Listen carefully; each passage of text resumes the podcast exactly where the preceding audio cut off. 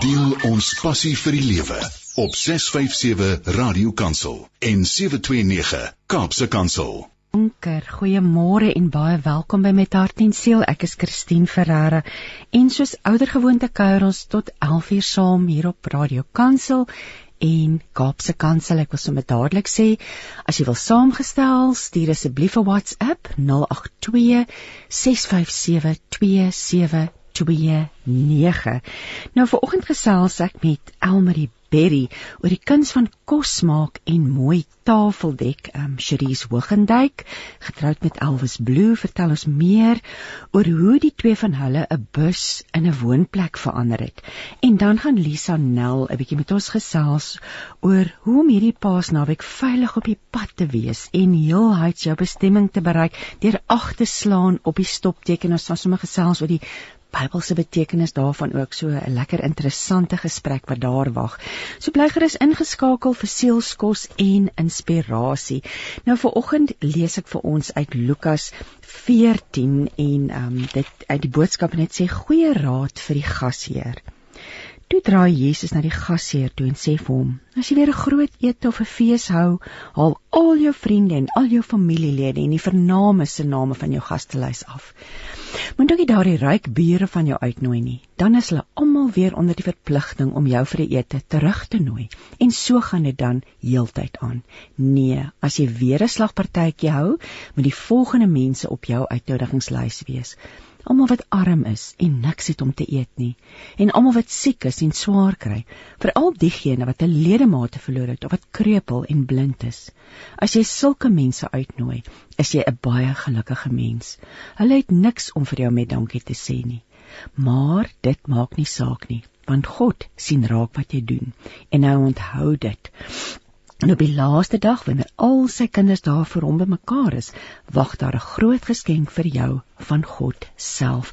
En so gaan dit aan. Die volgende stuk skrif gaan oor die verhaal van die feesmaal en die genooides, alles beskende stukke skrif, maar so in pas hiermee wil ek nou gaan ons nou gesels met Elmarie Berry oor haar wonderlike pragtige kookboek met die titel Kosbaar: Skep herinneringe met 'n feesmaal. Nou Elmarie is 'n kosstylus, kosfotograaf, kosskrywer, sakevrou en entrepreneur. Môre Elmarie Goeiemôre Christine, dis lekker om saam met jou te kuier vanoggend. Hoorie, dit is vir my net so 'n voorreg. Ek het al so baie van ek ons nog nooit ontmoet nie. Ek het al so baie van jou gelees en gehoor, jou mooi goed um, van Samesyn gesien en nou hou ek hierdie pragtboek in my hand. Um kosbaar, skep herinneringe met 'n feesmaal. Elmarie in die voorwoord van die boek sê jy elkeen van ons se storie tel.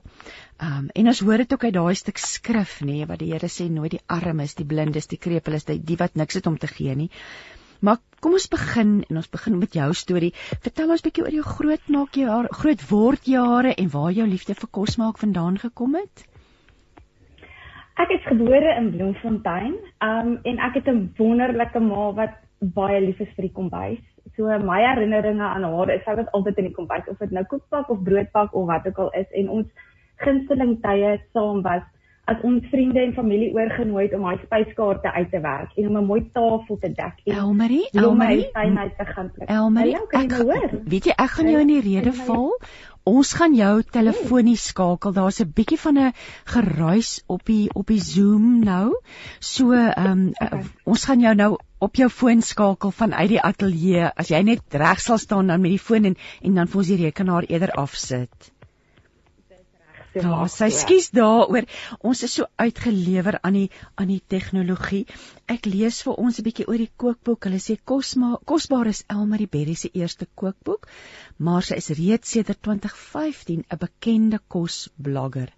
Haar hartsbegeerte is dat kosbaar jou siel sal voed en sal jou daarmee jou en dat jy daarmee in jou kombuis met jou van nabye vriende en familie herinneringe kan skep. Daar sê Elmarie is jou by lyn.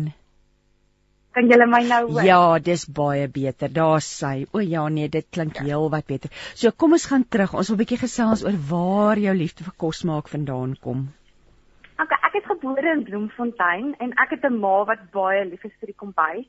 So ek was baie bevoorreg om langs haar um, wonderlike resepte te kon geleer het en ons gunstelinge tye saam was om vriende en familie te onthaal en daai spyskaarte uit te werk en blomme in die tuin te gaan pluk om die tafel mooi te maak. En dan het ek ook 'n ouma wat ook baie lief was vir kos en sy het vars kos gemaak. Sy was sy't ehm um, van 'n Libanese afkoms. So sy het weer baie vars kruie gebruik in haar in haar kos en ons het buite in haar tuin gaan baie vars produkte pluk.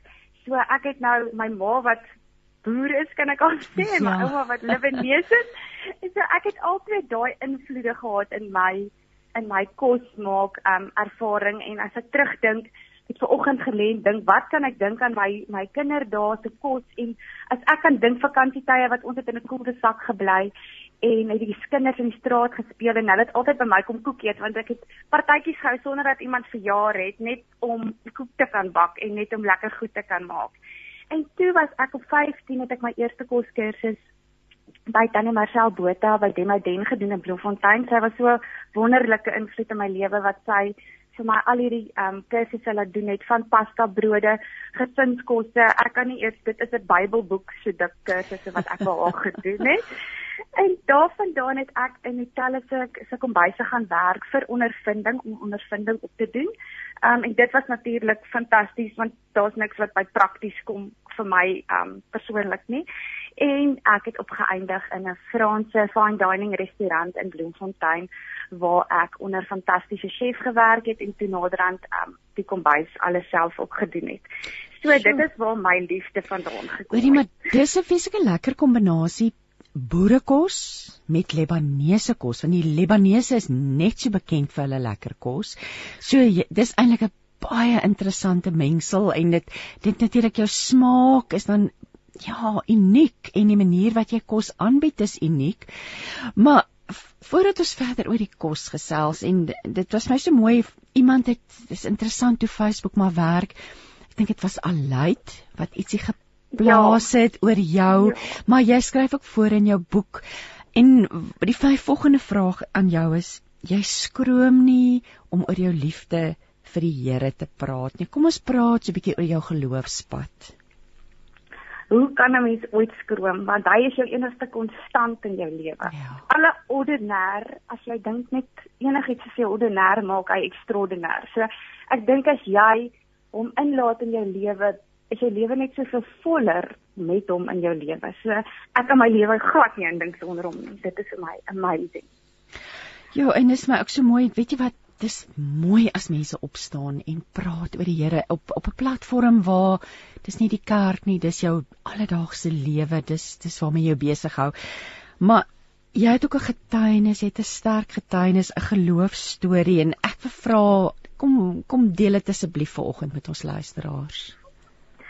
Ja, ek dink, weet jy wat na my getuienis, het daar soveel mense van my boodskappe gestuur en ek besef eintlik almal gaan deur dieselfde ons ervarings is net anders maar ja. elkeen het sy storie en hierdie ja. is myne ons het um in Port Alfred ons van Bloemfontein af het ons um Port Alfred toe getrek ons het eers 'n kaarte dag gemaak en toe in Port Alfred opgeëindig en my man is 'n vlieënier en um ek het nie gewerk op daai stadium nie want um ons het my kinders is toe nou net gebore so hulle is twee babatjies en um hy het eendag in die in die huis ingekom en hulle sy salaris is gesny toe met jo die helfte. So dit was net soos genoeg om ons ons huis te betaal. Ehm um, so ons het regtig nie geld gehad vir kos of enige so iets nie. Niks, ja, as ek sê niks nie, is dit regtig niks. Dit is soos mense wat sê dit niks en dan het 'n backup nie, daar was regtig niks nie. En ek het in daai selfde tyd het al mense na my toe gekom, drie verskillende mense en hulle het twee konings se ehm um, se getuienis my gesê en gesê Elia, Elia wat aangekom het en gesê het vir die WDW, wat het jy van waarde? En al wat sy gesê het, ek het al wat ek het is 'n klein bietjie olie. En hy het gesê bring al die kruike wat jy het. En hy het daai olie vermeerder en al daai kruike vol gemaak en al hulle skuld betaal en van die res kon hulle lewe. En ek het na die derde persoon wat vir my hierdie skrif gee, het ek besef, "Sjoe, Here, dit is nou weer woord uit u hand tyd van dit is ek moet ek moet aandag gee daaraan. En ek in enige plek op daai stadium met twee babatjies in die huis was die bad wat ek my bad getap het en rustig geraak het en ek het gesê Here wys net vir my wat is my bietjie olie? Want dit is moeilik in 'n klein dorpie om werk te kry of om iets te doen en ja. Um, en hy het vir my gesê, "Amber, jy kan kos maak." En ek het gedink, "Jene, okay, en ek weet ons het net R100 vir die hele maand en ek dink dit was soos die 7de of die 8ste van die maand, net R100 oor en ek het afgestap onder toe en ek het na my man toe gegaan en ek het hom gesê, "Lief, kan ek asseblief daai R100 kry om goed te gaan koop vir lasagne?" En hy het dit sonder om te skroom vir my gegee en ek het toe na die Spar toe daar in Rosehill Mall in Port Elfrid en ek het al my goedjies gaan koop ek het nie geld gehad om lasagne velle te koop nie, so ek het dit moes ek dit gemaak het en ek het hierdie 8 bakkies, 10 bakkies lasagne, ek kon nou nie presies 8 of 10 onthou nie, maar ek het hierdie bakkie lasagnes uitgekry en 'n vriendin van my, Karlien, ag dit is wonderlik en sy het gesê sy sal saam met my stap. Dan gaan verkoop ons hierdie bakkies by die by die besighede en kyk of hulle nie dit wil koop en so 'n besigheid begin nie. En ons stap en ek bid die hele pad en ek sê Here, dit is nou U moet my nou voor my uitgaan en vir my nou die pad gelyk maak. En almal sê vir my nee. En naderhand stap ek in die strate in en ek begin net in die geesbid en ek sê Here, nou wat nou? Nou het ons lasagne vir dae om te eet, maar ons het nou niks anders nie en die R100 is nou domie. En ek gaan huis toe en ek pak die lasagnes uit en hier bel Pam Goldie. Hoorie, het jy nog lasagnes? Ons het vanaand 'n uh, vergadering bring asseblief al jou lasagnes. Nou daar het Pantry of Joy begin, the Joy of the Lord is my strength. En van daar af is dit net die Here is net so by ons al die tyd. Ons het in die Kaap aangekom, Atian Kaap toe gekom vir werk en um hy het die ek dink ons was 2 of 3 maande hierso en toe sê hulle maar die, die besigheid waarvoor hy werk is gelikwideer.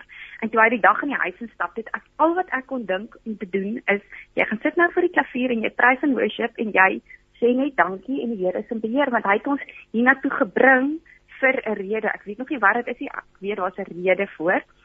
En ehm um, ja, toe het ek weer begin platters maak en ek het ons het troues gekyker en ons het ja, kos gemaak vir geld wat heerlik was. En ehm um, so op my pad het kosfotografie en kos stilering gekom wat ek so geniet en ek het vir ehm um, Lindy Kriek ontmoet deur dit en sy's 'n kosfotograaf en sy het saam met my begin werk en van daar af het ons samesyn begin wat 'n fantastiese besigheid is. En die boek het uit dit uitgekom ook. So ja, dit is 'n wonderlike getuienis om te weet die Here sal jou nooit los nie, maak nie saak hoe donker jou situasie lyk nie. So ja, ja ons, maar, en ons het elkeen olie. dis die waarheid nie, want want die weduwee se olie het ook nooit opgehou daarna nie, maar wat ja. wat my uitstaan is dat jy bereid was you humbled yourself. Jy het nederig jy jy het nie omgegee om te loop van winkel tot winkel en letterlik met daai lasagnes te smous nie. En ek dink God sien ook daai getrouheid raak dit ons so onsself ja, kan net nederig maak en sê ek het nodig, Here help. En ja, wat 'n wonderlike wonderlike storie en ja, dit is net regtig waar so 'n inspirasie om te hoor en om te kyk waar jy soos jy sê, waar is jy vandag? Watter seën is daar nie in jou lewe nie? Ek wil praat jy jy noem jy steeds jou besigheid Pantry of Joy? Ja, dit nou net onder my eie naam want ek doen nou nie ek maak nie meer kos kyker meer nie. Daai seisoen het toe verbygegaan, maar kom ons praat oor daardie woorde, the joy of the Lord is my strength. Kom ons praat net wat beteken hierdie woorde vir jou? Kom ons deel vandag met ons luisteraars dat ons moet onthou dat dit in die woord staan hè. Ek ja, weet jy wat, ek dink ons moet die Here loof in al ons omstandighede. Maak nie saak of dit vir ons goed of sleg lyk nie want sy plan is baie groter en beter as wat ons ooit kan dink. Ehm um, en ek dink as jy daai vrede, daai onverstaanbare vrede ervaar in jou lewe, kan jy nie anders as om net die Here te dien en te prys en te loof nie. Ehm um, en ek dink ons moet in alle omstandighede dit doen. Ehm um, en ons moet staande bly in ons geloof deur dit alles. So ek dink dit is wat ons ook laat um uitstaan deur um weet in in vergelyking met die wêreld is daai ongelooflike vrede en die vreugde wat ons weet die Here is altyd by ons en hy sal ons nooit laat gaan nie. Hy is ja, hy's gister, vandag en môre dieselfde. Ja, so, dit is vir my belangrik. En die vreugde van die dubbelsinnige woord die die samesyn om hierdie tafel al hierdie goed leef jy uit deur jou werk Kom ons praat bietjie oor ek wil graag praat oor Samesyn want Samesyn het voor die boek gekom. Vertel bietjie vir ons die storie van Samesyn. Samesyn is wonderwerk op sy eie. Soos ek gesê het, ek en Lindy um, met mekaar ontmoet um, deur kosfotografie en kosstudering wat ons saam gewerk het. En tot vandag toe kan ek of sy nie regtig onthou wie was dit eerste wat gesê het kom ons print die um, foto's op lap nie vir ons eie stilering um, om te gebruik in ons foto's. En dit het net toe mense dit sien het hulle net mal gegaan daaroor en ek dink ons het so wonderlike verhouding in besigheid ook dat sy ons albei weet vir die Here in elke liewe faset in die besigheid sien. Ons bid oor alles en ons het ook daar's in al ons designs kan ek al sê is daar 'n streepie van die woord en um iets van die woord in. So as jy ingestel is op gaan jy dit onmiddellik raak sien. Um dis ons hou daarvan om met granate te werk en met vye te werk. Ons het nou die wonderlikste lap geshoot wat se naam Grace is um vir die paastyd um met brood en wyn en vye en al al die Bybelse en olywe en um so ja, dit is dit is 'n fantasties en net hoe die besigheid um gebless word en ons is genooi New York toe um en ons reënjasse op daai stadium is gekies vir 'n uh, ek ekskuus dat ek so Afrikaans en Engels wat ek het nie al die woorde. um op die um runway en ja, so dit is wonderlik en hoe ek en sy ook gegroei het saam. Um ons het begin as besigheidsvennote en ons is nou hartvriendinne. En ons ja, ons stap 'n pad dit saam met mekaar en ons is definitief op dieselfde bladsy as dit kom by wat ons wil hê vir saam met sy. Ons wil vir ietsie van die woord en in elke huis deponeer um, reg oor die wêreld. So ek dink dit is wat ons soos doel is. So same syn julle julle neem fotos, julle oh, hy's 'n stilis, so julle stileer die foto dan word dit op linne gedruk. Lyk my julle te reek, daar's komberse, dis 'n hele verskeidenheid. Dis nou baie interessant hoe gereeld Hoe hoe waar hoe gereeld neem julle nuwe fotos hoe want mense is heeltyd op soek na iets nuuts nê nee. Ja, ons het ons ou gunstelinge wat maar altyd verskyning maak, maar ons probeer elke seisoen 'n nuwe reeks um shoot. So dit is maar as dit winter is, is dit meer jou winterklere, as somer is bietjie meer ligter klere. Um en alles is oorspronklike idees wat ek en sy regtig sien in ons in ons koppe. en dan gaan ja, pak ons dit uit op 'n lap en ons neem die foto en alles word ja is 100% oorspronklike foto's wat ons dan ehm um, druk op tafeldoeke en tafelrunners en ons het ehm um, muurbehangsels en kussings en komberse en ja 'n hele reeks wat ons dan daarvan maak. En wat so mooi is wat jy sê daar's as jy bewus is daarvan is daar altyd iets versteek van die woord, iets wat uit die ja. woord ja. geïnspireerd is. Kom ons praat weer oor die kookboek terug by die kookboek. Hoe het dit gekom dat daar 'n kookboek ontstaan het?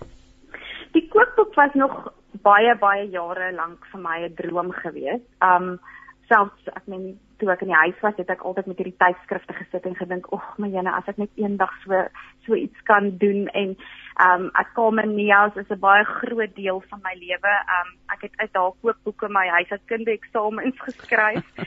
En ehm um, ja, nou drink ons tee saam. So dit is so wonderlik hoe alles ehm um, uitwerk. En ja, ek sit met hierdie idee en ek het 'n naam vir hierdie kookboek en in lockdown ehm um, ek kom in en haar ma by my kom tee drink en ek het vir haar vertel jy sien, ehm um, weet ek sit met hierdie idee, ek weet nie of dit simpel is nie, maar en ek vertel haar my getuienis en sê my Amri jy moet hierdie kookboek nou doen. Daar is nou nie meer tyd. Jy wag nie, jy doen dit nou. En sy het my so gehelp want sy het mos nou al hoeveel honderde kookboeke geskryf. En sy het vir my so mooi gehelp met die proses net om vir my bietjie te vertel hoe dit werk en um so aan sy ja 'n kookboek was nog al my jare 'n droom vir my. En nou dat my kinders groter word is daai droom was hy droom net meer ernstig is wat gaan my nalatenskap vir my kinders wees. Um en ek wil die beste vir hulle nalaat. So en ek is kos my hele lewe gaan oor um kos en mooi. So en dit is toe nou waar um, die kookboek begin het of uh, hoe kan ek sê gerealiseer het. En dit word uitgegee deur Penguin Random House, ehm um, ja. Suid-Afrika, so dit is eintlik dit ja, baie baie ehm um, 'n betroubare, geloofwaardige uitgewer. So dit was wonderlik dat die voorreg en die eer was dat hulle dit gedoen het nie waar nie. Ja, ja, dit het eintlik ek het 'n um, ehm, ek het 'n ander publisher gebel in lockdown en ons het 'n vergadering gehad en sy sê dit vir my Christendom is oudtyds. Die boek gaan nie werk nie. Ehm um, en ek het afgeloop met my skoonmaat nog hier by my gebly en ek het vir gesê, "Ma, wat nou?" En sy het gesê, "Jy gaan dit nie verander nie. Ons hou aan." En toe kom en kom en um, ja, dit het Penguin vir Beverly by Penguin gekontak en sy het van die begin af was sy agter hierdie boek en dit is ek dink ek is nou by die grootste publishing maatskappy kan ek al sê wat ek aan kan dink. Um, en kyk net hoe groot is die Here dat hy dit gebruik het om my by hulle uit te gekry het en laat dit so goed doen. So ja, ek is baie dankbaar. Voordat ons verder gesels, gaan ons luister na 'n bietjie musiek. Elmarie, jy kan op die lyn bly of ons bel jou terug terwyl die musiek speel. Jenna Lee Belong gaan nou vir ons sing veilig. Deel ons passie vir die lewe op 657 Radio Kansel en 729 Kaapse Kansel. Jy luister na met hart en siel. Ek is Christine Ferreira en ek is in gesprek met Elmarie Berry oor haar boek Kosbaar skep herinneringe met 'n feesmaal. Elmarie, wat het jou op hierdie titel laat besluit? Ah, kosbaar is vir my soos my geloof is vir my skrikkelik kosbaar en kos in die woord het net vir my ja, dit is net vir my die perfekte woord vir 'n resepte boek. En soos wat ek nou nou genoem het, ehm um, dis regtig 'n nalatenskap wat ek vir my twee kinders wil nalaat dat hulle weet moet nooit jou geloof verloor nie. En dan het jy hierdie wonderlike, maklike, betroubare resepte wat jy jou ehm um, vriende en jou geliefdes kan ehm um, bederf mee en kan koester. So, en ook die samesyn om die tafel te kan beleef. Ek kon nie help om oop te beslaan by die lasagne pot nie. Is dit die einste lasagne resep wat jy die lasagnes van gemaak het daar in Port Alfred. ja, so dit. Dit sê dis 'n familietreffer. So as jy geïnteresseerd is om te proe daardie lasagnes geproe, dit's ook in die boek. Kom ons praat oor die verdeling want die boek het baie interessante hoofstukke. Mens kan hoor en sien jy dink 'n bietjie anders oor die lewe Elmarie. Um jy begin die eerste daar's nou die inleiding en die voorwoord waar jy ook jou getuienis deel, so onbeskaamd. Um vertel jy van jou liefde vir die Here. En dan is daar uh, hoofstukke my trousou geskenk aan jou koningskos oor die kole. Samesyn almal welkom. Kos en wyn skep 'n simfonie. Moenie jouself vergeet nie. Wees dankbaar en deel. My reisontdekkings gee inspirasie. Nuwe seisoene beteken groei. Die laaste maal. Vertel ons 'n bietjie hoe het jou kop gewerk toe jy hierdie hoofstukke uitgelê het? Ehm, um, weet jy, ek het ons braai almal. Wel, kom ons begin by die eerste een, die nostalgiese resepte, al daai resepte wat ek glo elke liewe persoon in hulle huis moet hê. Daai flopvrye piesangbrood en pannekoek en fudge en dis dis die enigste resepte wat jy in jou lewe gaan hoef te probeer. Ehm um, as jy daai want dit is net rarig. Ek het soveel resepte probeer en hulle is regtig flopvry en so maklik en betroubaar en soos ek sê as ek dit vir my kinders nalat, is dit goed genoeg vir enige iemand daar buite. En hier praat ons en nou dan, van karringmelk beskuit en ons praat van melktert, fudge, 'n basiese brooddeeg. So so jy daarmee begin, die die piesangbrood, jy nou peppermint crisp tart, al hierdie dinge ja, wat ons almal eintlik mee groot geword het, né? Nee? Groot geword het. Ja, al daai is daai hoe kan ek sê, ehm um, ja, daai algemene resepte maar wat ek glo almal moet hê. Ehm um, laat jy nie ja, dit rondval in verskillende boeke of nie weet wat en dit is betroubare resepte. So ek glo dis my trousou geskenk aan almal daar buite is ehm um, dis die fondasie vir my. Ehm um, en dan daarna het ek gegaan na braai resepte toe want is ons Suid-Afrikaners nie ongelooflik lief vir braai nie. Ehm um, en anders braai en ook kan onthaal met 'n braai want ons as vrouens sit altyd jy weet wat die wat jou proteïen wat op die vuur gaan maar wat doen ons daarbey en hoe kan ons dit bietjie interessant maak um, om te kan onthaal terwyl ons braai um, ja net op 'n ander manier? So dit was my koningskos want braaivleis is vir ons almal koningskos. Ek moet so, byvoeg daai lasagne kom kan word ook op die vuur gemaak. Dis 'n lasagne ja, hy word potjie in 'n swart pot gemaak. So jy kan lekker baie mense met hom kos gee en dit bly 'n treffer. So ons doen dit baie gereeld as ons familie kom kuier, dan maak ons 'n lekker lasagne pot vir hulle. Ehm uh, en dan is samesyn, almal is welkom, is ehm um, soos 'n alfresco tipe ete. Um, wat jy net 'n klomp borde kos op jou tafel kan sit en almal skep 'n bietjie en hulle kuier lekker saam om die om die tafel. Ehm um, so en, en die die prent ek sien alles in prentjies. So die prentjie wat ek gesien het is hierdie ehm um, somer of 'n lente lekker dag buite en ons dek buite met mooi olyftakke en bloeisels en natuurlik deur die boek het ons ook saam met sy se ehm um, se ontwerpe gebruik om die die gevoel van die uh, hoofstukke te kan deurgee.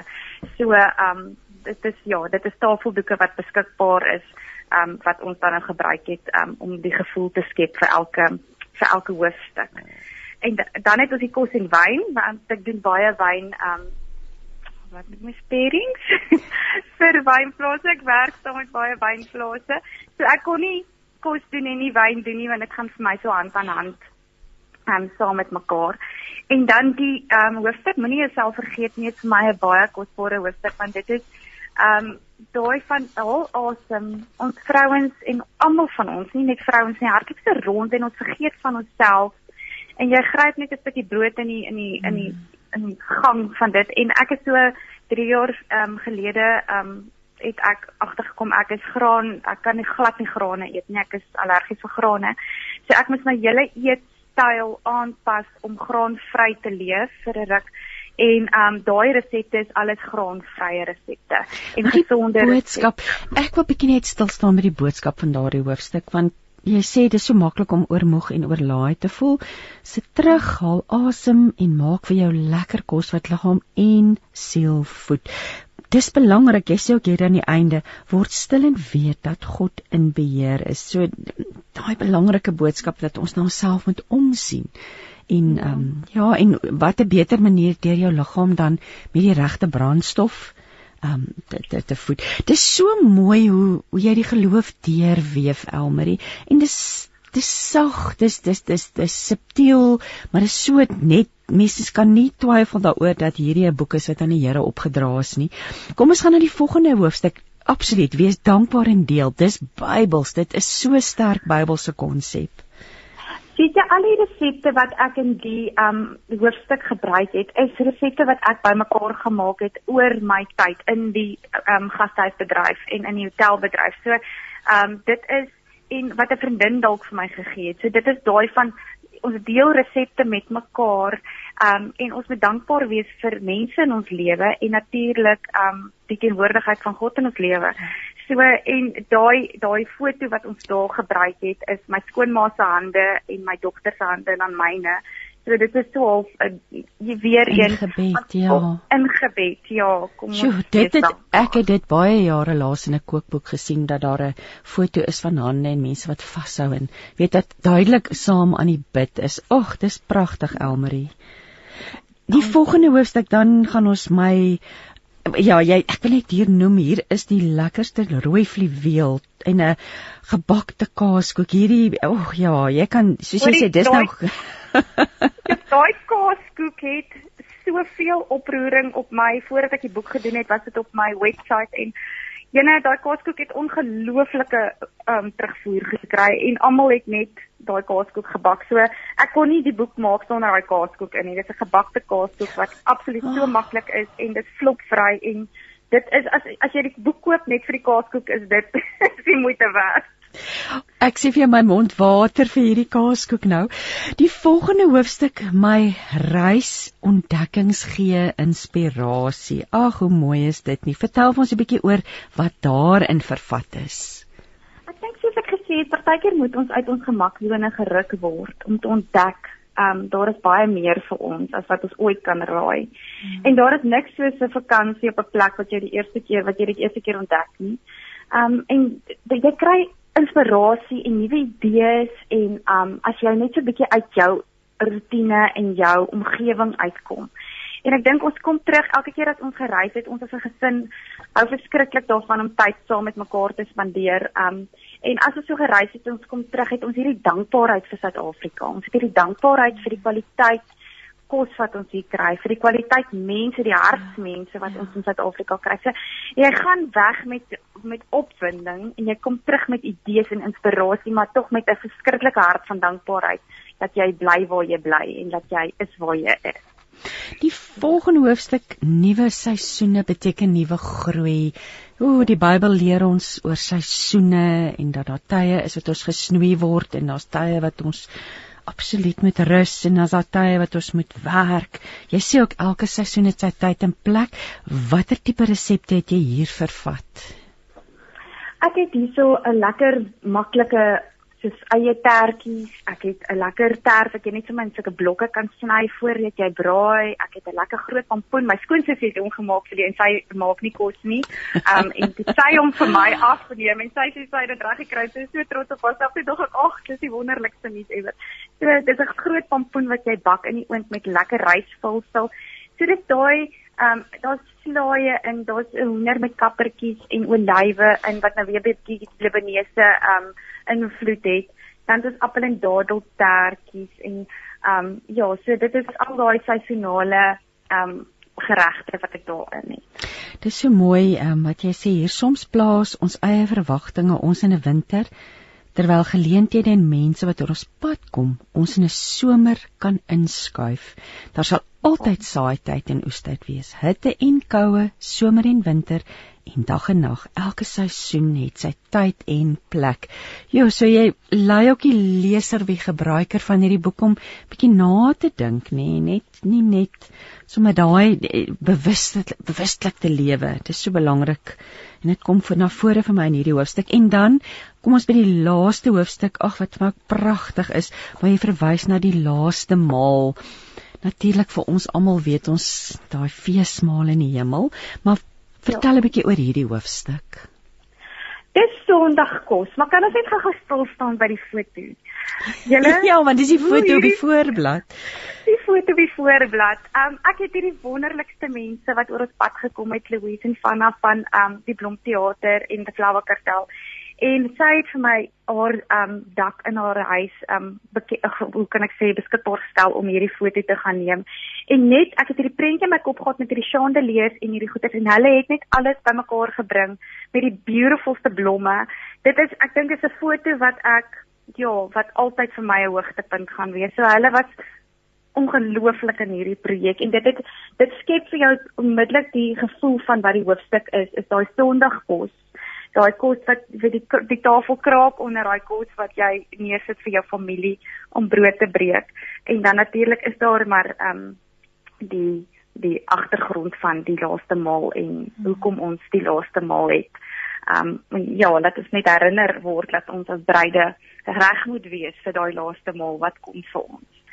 Ehm um, ja, en ek as ek terugdink aan my aan my Sondag, is dit maar in Granny se huis gewees en daar was altyd heerlike gebakte aardappels en hoender en dan het hy hierdie kibernay gehad wat hulle benese dis was wat rou maalvleis was met 'n klomp vars mint en suurlemoen en ek het dit nou nie in my boek nie want niemand van ons eet rou maalvleis nie maar dit was dis 'n herinnering wat ek het van haar um van haar Sondag wat sy vir ons gegee het graag met jou gesels oor die Libanese invloed want ek kan sien hier jy daar's resepte met za'atar ons het daar's kardemom daar's komyn dinge wat ek vertel vir ons 'n bietjie meer oor die Libanese kookkuns en die invloed wat dit dan op jou resepte het in hierdie boek Libanese kookkuns is vir my so speel of hulle speel verskriklik met speserye en kruie, vars kruie, suurlemoen. So enige resep word net opgelig en vars gemaak met die speserye en kruie en dit het net meer dimensies as wat ons aan gewoond is ehm um, soos wat ons kook. En ek dink mense is bang vir speserye omdat hulle nie regtig weet hoe om dit te gebruik nie. Ehm um, so ek probeer ek het dit stelselmatig in probeer werk net om vir hulle te sê hoorie so dit kan so 'n 'n ander dinamika wees as jy net met vars krye en speserye begin werk.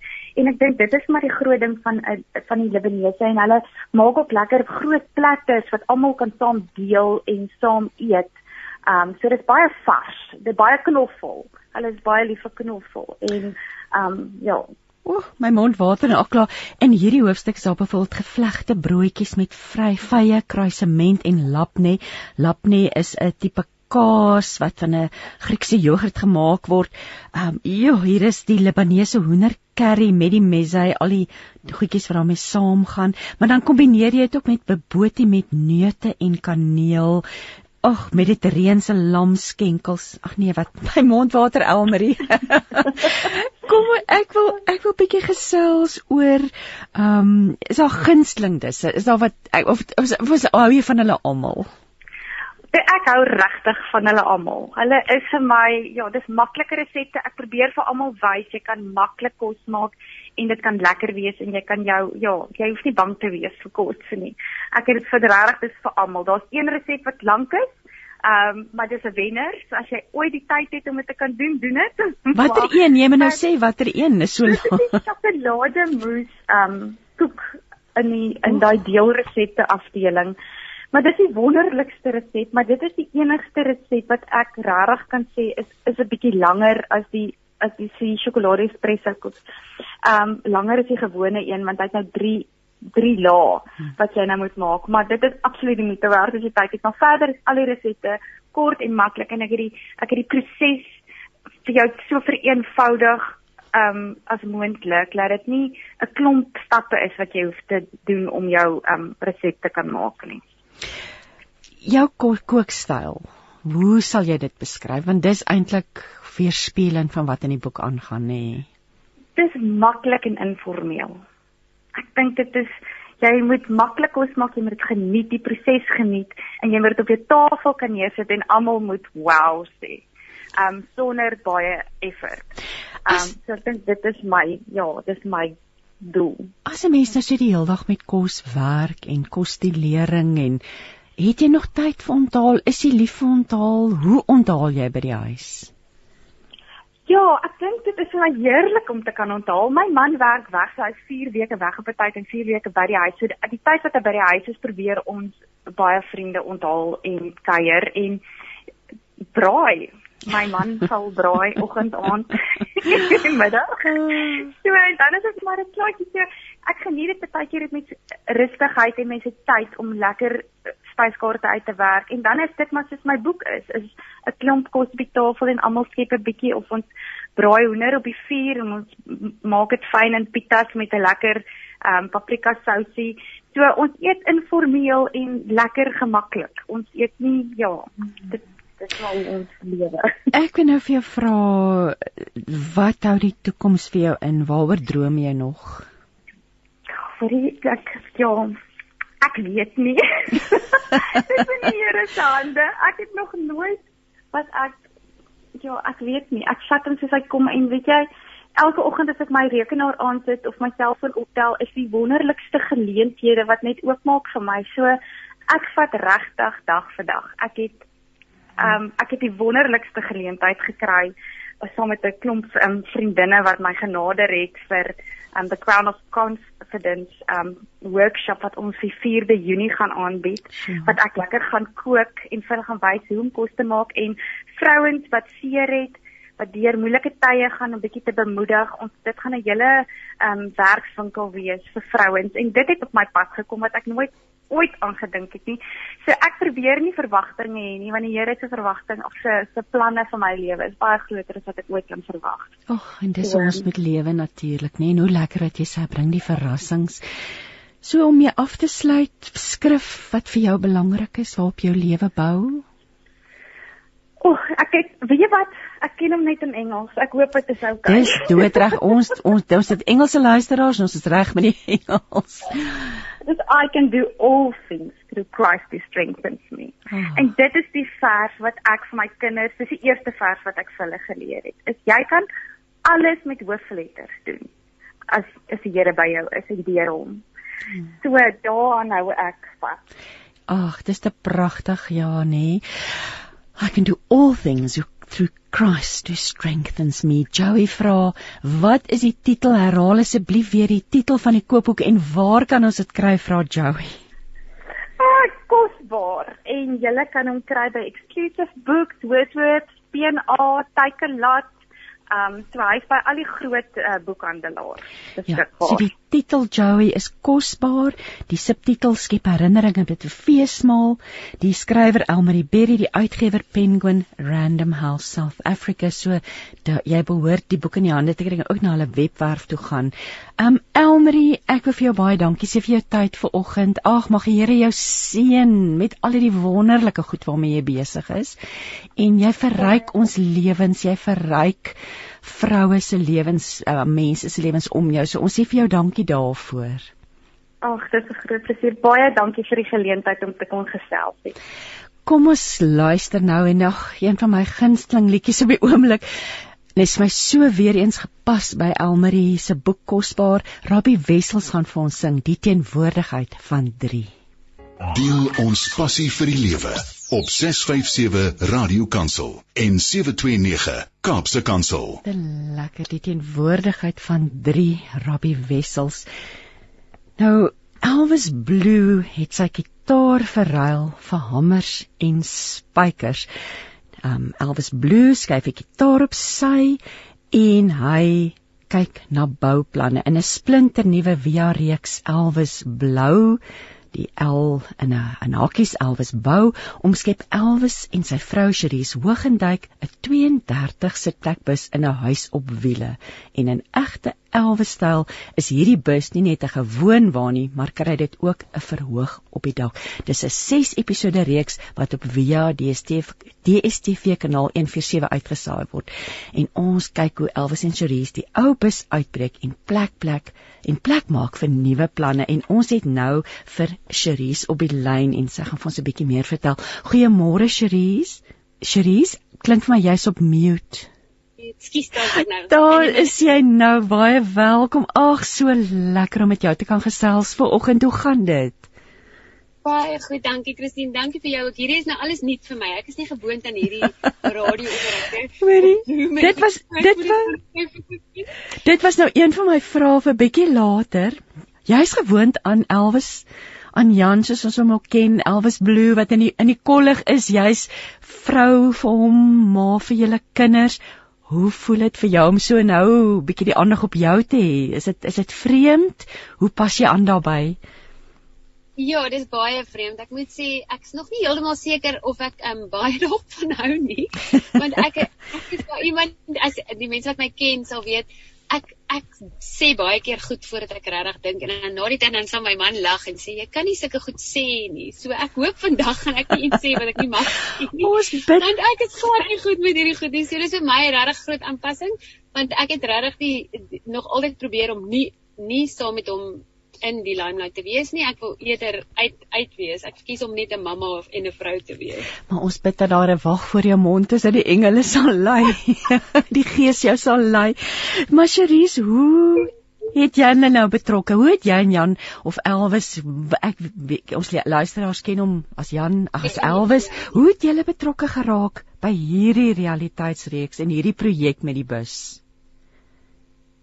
Ons het baie jare terug, ewen al voordat ons kinders gehad het, het ons nog altyd 'n droom gehad om 'n bus te kan omskep in 'n kampeerder en en ja, ons het maar altyd dit gehad en nou tydens lockdown het my man is iemand met baie idees. Hy slaap baie min as hy stres en dan dink hy allerlei idees uit, besigheidsidees uit om seker net maar voorsiening te maak vir wanneer die nood druk. So en dit was nou een gewees wat hy toe gedink het in plaas van net om dit in 'n kamper te vir um te verander om dit ook aan 'n besigheidsgeleentheid te verander. So toe ja, so die idee kom definitief van hom af. Hy's die man met al die idees.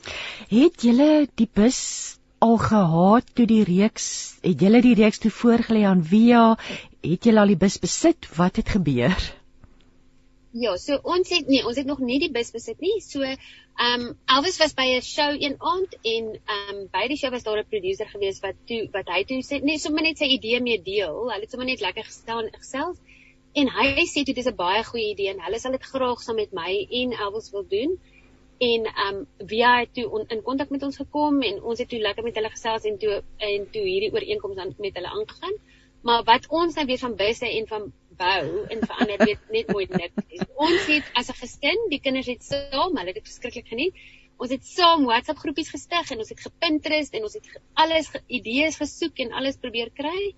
en toe het ons nou moes 'n bus koop en ons weet niks van busse koop nie. So maar my man is baie dierbaar, maar hy is iemand vir goedkoop koop. Hy hy hou van geld spandeer nie. hou van 'n winskoopie. hy hou van 'n winskoopie. Ja, maar dit kom altyd later en byt ons. Ek sê dit vir hom baie mooi. Asseblief koop 'n wins, vra advies, vra mense advies. Moenie net die goedkoopste een koop nie. Shaman hy het toe, hy het toe advies gevra aan mense, maar ons het toe nog steeds probleme met die bus, met die met die motor van die bus. Maar ons is besig om dit uit te sorteer. So hy hy het so ewe op die een van die episode gesê, "O, jene, hy hoop hy sy vrou gaan met hom raas nie." Maar ek het net lekker gelag en gedink wel ons ons doen ons beste daar gaan baie goed gebeur ons vat dit net maar soos wat dit kom Kom ons gesels bietjie oor die vervulling van die projek. Hoe lank het dit gevat? Hoe lank eh, hoe ver trek jy? Oh, ek dink ons is dit het begin die uitsending het in in in dis nou alomtrent by die 3de week, maar die hele vervulling ver, vervullingsproses. Vertel vir ons 'n bietjie meer. Ja, so die die vervulling ons het ons het die bus gekoop en toe het Via vir ons gesê ons het 8 weke om die bus te vervulling en um, ons het dan en ons het gereken dis meer as genoeg tyd om alles te doen en seker te maak ons het alles. Maar toe kom die bus eers 3 weke later die anders wat hy moes want omrede die die engine moes nou gebreek het en goed. So toe het ons op die einde net 5 weke om 6 episode te skiet. Oh. So dit was baie druk. Ja, en die mooi kant het nie van albei af uitgekom nie. ons was behoorlik in mekaar se hare, oh. maar um, ons het gemaak, ons het 'n oulike baie goeie vriend wat saam met ons op die TV-program is, um, Willie, die nutspan. En ons het dit net aangepak saam met hom en ons het net deurgedruk en gesê ons moet dit nou maak net gebeur en ons het baie oulike sponsors gehad wat ons ook gehelp het om dit om dit te laat klaar maak. Ja. Ja, van daal ek kan net die druk van myself indink en soos jy nou self genoem het, dinge loop nie altyd seep glad nie. Uh, mense weet dit as jy so iets aanpak of mense jy dink jy weet dit. Watter impak het hierdie projek op julle verhouding gehad? Jy het nou genoem julle het nou partykeer 'n bietjie vies geword vir mekaar. Ja, veral in die begin. Ek dink soos vir dit aanbeweeg het, was dit was dit beter. So ek net soos Elvis is 'n kreatiewe persoon. So ek het 'n prentjie in my kop en ek wil dit graag realiseer en ek het nou hoe hierdie bus moet binnekant lyk. En Elvis is weer baie prakties, maar hy het ook hy is weer wat is die goedkoopste manier en die praktiese manier, maar ook 'n um, kreatiewe manier. So ons het um on, ons het in die begin baie vasgesit. So byvoorbeeld ek het 'n prentjie in my kop gehad, ek wil baie graag vloere geteel het en um die mure van die mure geteel het en ek het regtig idees gehad en daai eerste dag toe die bus arriveer, toe sê Willie vir, vir Elvis, nee, daar gaan nie teels wees in hierdie bus nie. Sy moet um ons kan net vloere vinyl en teen die mure opsit en in my kop dadelik het ek gedink Ek wil nie hê dit moet lyk soos 'n karavaan nie. Ek wil regtig hê dit moet baie mooi lyk en ek wil en ek want ek hou van interior decorating. So ek was so ontsteld geweest. Gelukkig op daai oomblik het die kameraman dit nie afgeneem nie. Ek dink daai was ons grootste fight geweest. Hy het ons so omgedraai en ouers het gesê, "Het jy dit op kamera?" En ek sê, "Nee, ons kan nie hier op kamera sit nie. Dit is baie erg." Maar ons het in die begin het ons koppe gestamp, maar ek moet sê eh, later dan het ons bietjie verander en ons het mekaar aangepas. So ek dink vir ons was net om om elkeen kans te gee om sy ding te kan doen, maar ook aanpasbaar te wees want alles werk nie uit soos wat jy wil hê dit moet werk nie. Dit klink maar soos 'n huwelik nes en ek wil nou vir jou vra raad en wenke aan egpare wat 'n bou of opknappingsprojek saam aanpak. Wat het julle geleer? Wat het jy en Elvis geleer? Wel, ons het nog ons gelag na die dag toe ons aan dink, um, ons sou dit definitief nie oorleef het as ons pas getroud was nie. ons sou ons sou dan nie gemaak het nie, maar ek dink omdat ons al redelik lank getroud is en mekaar ken en ons lekker saam werk nou ook met die padstal en goeders, ons werk nog ons baie saam. So, um, ek lag, ek dink my raad sou wees is al die idees wat jy het, jy moet dit net so goed deurdink en praat dat hy dink dit is sy idee. So jy moet hom net so 'n bietjie manage. Oh, laat hom nou lekker rasioneer. ek het hierdie sê ek het hierdie sê ding altyd as ek ietsie wil doen, gedoen het in die huis, maar dis nou iets wat ek nie kan doen nie, dan sal ek sê, dink jy nie 'n mens dit sal mooi lyk as 'n mens dit so mooi maak nie. Maar ek het dit nooit agtergekom en nou die dag sê hy, hy het agtergekom hy is die mens wat dit actually moet doen. So, ek gee die idee en hy is die mens wat dit moet doen. So. Ooh, en natuurlik jy sê dit goed deurpraat, Lies. Jy doodseker is jy weet waartoe jy op pad is, nê? Nee? Ja, so en jy praat baie. Ag en ek dink ook maar net om nie kwaad te bly nie, om net ehm um, ja. geduldig met mekaar te wees en weet altyd het idees en altyd wil hulle ding laat maak werk. So soms moet jy maar bietjie opgee, soms moet jy kan jy jou deel kry. So ek dink dit is nou maar net om net te weet dis net tydelik. So moenie moenie laat hierdie ding jou verwoes nie. Ek dink nie dis heeltemal ja, nodig ja. om dit te En behou perspektief, behou net perspektief. Jy is met 'n projek besig, die huwelik is baie groter as dit. Wag voor jou mond. Dis die belangrikste. Kom ons praat 'n bietjie oor um Elvis Brew, want die vervulling het op die gronde van die padstal buite George gebeur. Elke keer as ek daar verbyry, moet ek erken, is daar net 'n plaatkarre. Dit lyk vir my na 'n rasende sukses. Hoe het Elvis Brew die padstal tot stand gekom? Ja, yes, ons is baie gelukkig. Ek moet sê vandag ene wat ons hom oopgemaak het. Um ons het dit was net vir die lockdown. Seker so 2 jaar voor die lockdown het uh, Elvis het nog altyd 'n droom. Hy hou baie van padstalle. So soos ek kan sê, meeste idees kom van hom af. So hy sal kom en hy sê hy wil graag 'n padstal oopmaak en ek tog toe ag nee, wat wat weet ons nou van winkels en nee, dit gaan nie werk nie. So en hy sê soos nee, dit wil hy baie graag doen. Hy het voor dit het hy sy eie koffiereeks uitgebring, maar dit was net soos 'n halwe bietjie van 'n hobby gewees. En um, hy besluit toe want hy kry baie navraag vir die koffie en hy besluit hy wil sy eie padstal oopmaak. En ons kry toe die geleentheid die die grond waarop die padstal is, die die boer van die grond Hy het ons gekontak en gesê, "Um wil ons nie kom koffie verkoop of 'n tydelike iets daar opsit nie." En ons dink toe daaroor en so 2 jaar voor dit toe voor lockdown toe begin ons die planne in plek sit om om hierdie ding te bedink en te kyk hoe of dit sal hmm. werk. En letterlik 2 weke voor die lockdown ja. het ons 'n uh, lening gekry en ons het um ons het die grond gekry waarop ons nou hierdie padstal kan bou. Maar toe met die hele um lockdown toe maak alles toe en dit was baie swaar vir ons want Elvis se shows is 'n jaar vooruit geboek en ons het geen inkomste gehad nie. Ons het al die deposito's terugbetaal aan al die plekke. So ons het regtig swaar gekry en ons moes dink hoe gaan ons hierdie ding maak werk in lockdown? Ons gaan nie kan wag tot na lockdown nie want ons het nou letterlik geen inkomste nie.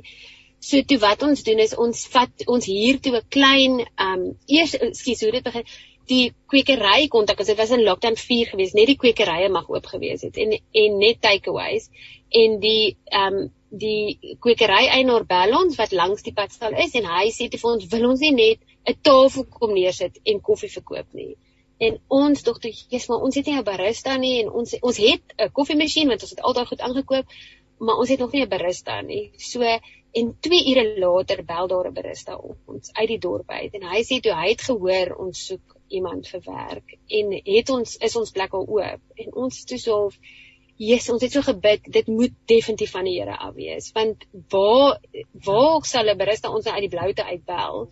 En ons besluit toe, okay, ons gaan hierdie ding maak werk en ons huur toe 'n container en ons sit hom toe op en ons het koffieshop in en dis toe ek en Elvis en die barista in daai klein containertjie.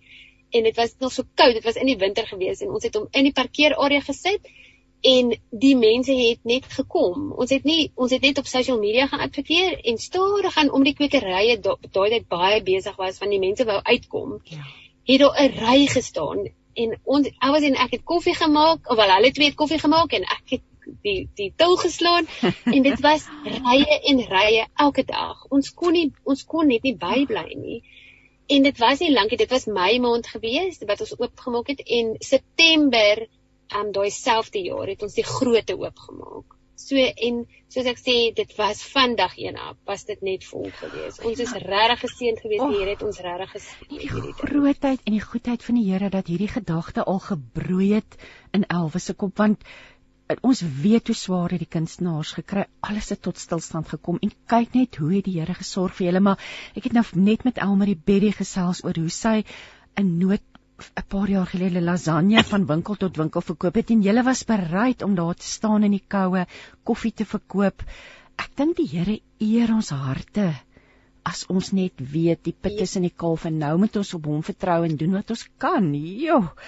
En ek wil nou by jou hoor, hoe kombineer julle alles want huis op pad oor see het, het, het jy vir my laat weet jy daar's weer die die die, die musiek is weer aan die gang die shows soos jy dit noem is aan die gang hoe hoe kombineer jy al hierdie aspekte jy's ma die kinders hoe hoe lyk jou hoe lyk julle lewe seker redelik besig nê nee. Ja, so ons lewe is baie besig. Ek moet sê, ehm um, veral hier van van September af tot en met so einde Februarie dan voel mens mens skiepie lekker asem nie want dit is regtig baie besig by die padstal. En my kinders moes leer dat hulle mamma is nou nie meer 'n huismamma nie en hulle mamma werk ook nou. So ek moes maar so op vriende en vriendinne en oupies um staat maak om my te help in die besige seisoen, maar ek is ons is darm nou so oulike span wat by ons werk dat ons dit nou so geset het dat ek net halfdag hoef te werk en dan Elvis toer nog en hy en hy is nou weer vol aan die aan die um aan die sing. So hy travel baie so um ons span by die werk staan ons in en hulle help ons regtig verskriklik baie. Ons het 'n oulike oulike span en dan in die middag was ek dan nou by die kinders en naweke by die kinders en dan so tussendeur hardloop ek maar in by die padstal help doen maar werk en dan se ek weer terug. So ons ons manage hom maar so. Ons vat hom maar so stukkie vir stukkie. Elke maand sê ek oeh as hierdie maand net wil verbykom as hierdie maand net maar elke maand is dit so maar ons geniet regtig elke oomblik. En dit is partymal baie stresvol en dan ander kere nie maar die Here is regtig net goed vir ons. Ons kan glad nie kla, dit gaan net regtig amazing. Dis nou my volgende vraag aan julle. Julle is albei belydende Christene en ek wil net weet hoe leef julle julle Christendom uit met die oë van die wêreld op julle as bekende persoonlikhede. Jy ook nou, jy beweeg het nou 'n bietjie vorentoe beweeg in die kollig, maar met so 'n bekende man en so geliefde persoon in Suid-Afrika, hoe hoe die konteks van julle geloof binne al hierdie dinge wat hoe julle lewe. Jesus Christine, dit is baie moeilik. Um kom ek stel dit so of nie moeilik nie, maar ons het in die begin ons en ons het regtig gesit en gesê, okay, in gebed en gedink, hoe gaan ons hierdie ding doen? Ons moet regtig nie meer fokus op wat die mense daar buite sê nie. Ons kan nie fokus op um of doen ons dit reg? Ehm um, sien die Here dat uh, die mense dat ons die Here dien. Ons kon regtig glad nie daai fokus moet ons heeltemal draai en ons het besluit ons draai dit op ons gesin en ons draai dit op die Here en ons gaan nie fokus op wat die wêreld vir ons kyk nie. Ons gaan net bloot dink wat 'n voorbeeld kan ons vir ons kinders wees? Want ultimately is ons verantwoordelikheid nou eers teenoor hulle en wat is belangrik vir hulle. En soos wat ons kinders ouer word, het ons geleer dat ons soms 'n goeie voorbeeld is, maar dikwels nie. So ons maak baie foute. En gelukkig weet ons dat ons kinders in goeie hande is ten spyte van ons tenkominge en ja. ons vertrou nou maar dat die Here die pad saam met ons stap en en ons sal help en dat daar waar ons tekort kom sal aanvul. So ons um dis moeilik om buite toe te kyk en want daar's baie baie mense wat um kommentaar lewer of goed sê wat jy nog eens kan onderkry en dan voel jy regtig in jou hart, Jesus ek ek probeer net my beste. Maar as jy regtig wegkyk van daai af en net doen wat jy moet doen en vertrou dit is waar die Here jou wil hê, dan beskerm jy jouself teen dit wat daar buite is. Alette Winkler praat van blok of bless of blok en bless sê want as mens so in die kollig is en ja. jy weet sy sê jy blok sekere goed uit maar jy seën hulle terselfdertyd want dis moeilik want mense staan gereed om te kyk maak jy 'n foute of aan die ander kant hoe leef jy hulle Christendom uit nê? Ek het nou 'n ander vraag. Hoe hoe hoe hanteer die kinders hulle pa se bekendheid? Ehm um, of is hulle maar eie maar net vir hulle pa? Ja, ek dink uh, dis obviously iets wat hulle nie um kan mis nie, want ja. waar hulle gaan maak mense hulle bewus daarvan. So vir hulle is hulle net is hy net 'n pappa, maar hy is ook in die kolle. In die begin was dit vir my oudste dogter um was dit swaar want sy sy um in die eerste plek dat hy baie weg is, dit was vir haar baie erg geweest ja. en die tweede plek ook is oralste waar sy gaan, sal mense gesê het o, dis Elvis Blue se dogter. Ai, ja. En dit het baie sleg op haar gedraai. Sy het op 'n stadium was sy ook baie graag in die kollig geweest. So sy kon nie verstaan dat um ons al hulle wil uithou nie. So ons het hulle weggehou van dit. En sy was baie sy wou deel wees van dit en dit het vir haar ook 'n ding in haar hart gebring waar um dit is belangrik. Soos dit is wie sy wil wees. Sy wil famous wees. Sy wil sy wil regtig in die kollig wees. En maar sy was klein geweest en toe het ons net aan haar verduidelik hoe sleg dit vir jou is en en dat um dit pappa se werk is. Dis letterlik net sy werk en dit is nie deel van wie ons is nie. So ons moet probeer om daai dingetjie bietjie apart te, te hou soveel as wat ons kan. En um en sy het stadig aan soos wat ons die pad met haar al gestap het, um het soos byvoorbeeld sy het, sy was baie um erg oor hoe hoe sy lyk like, en wat mense van haar gaan sê en en so seker so 6 jaar terug toe um besluit ek een dag ek gaan my hare afskeer en ek wou dit nie vir enige um kanker ding doen nie. Ek het net besluit my hare is my baie belangrik.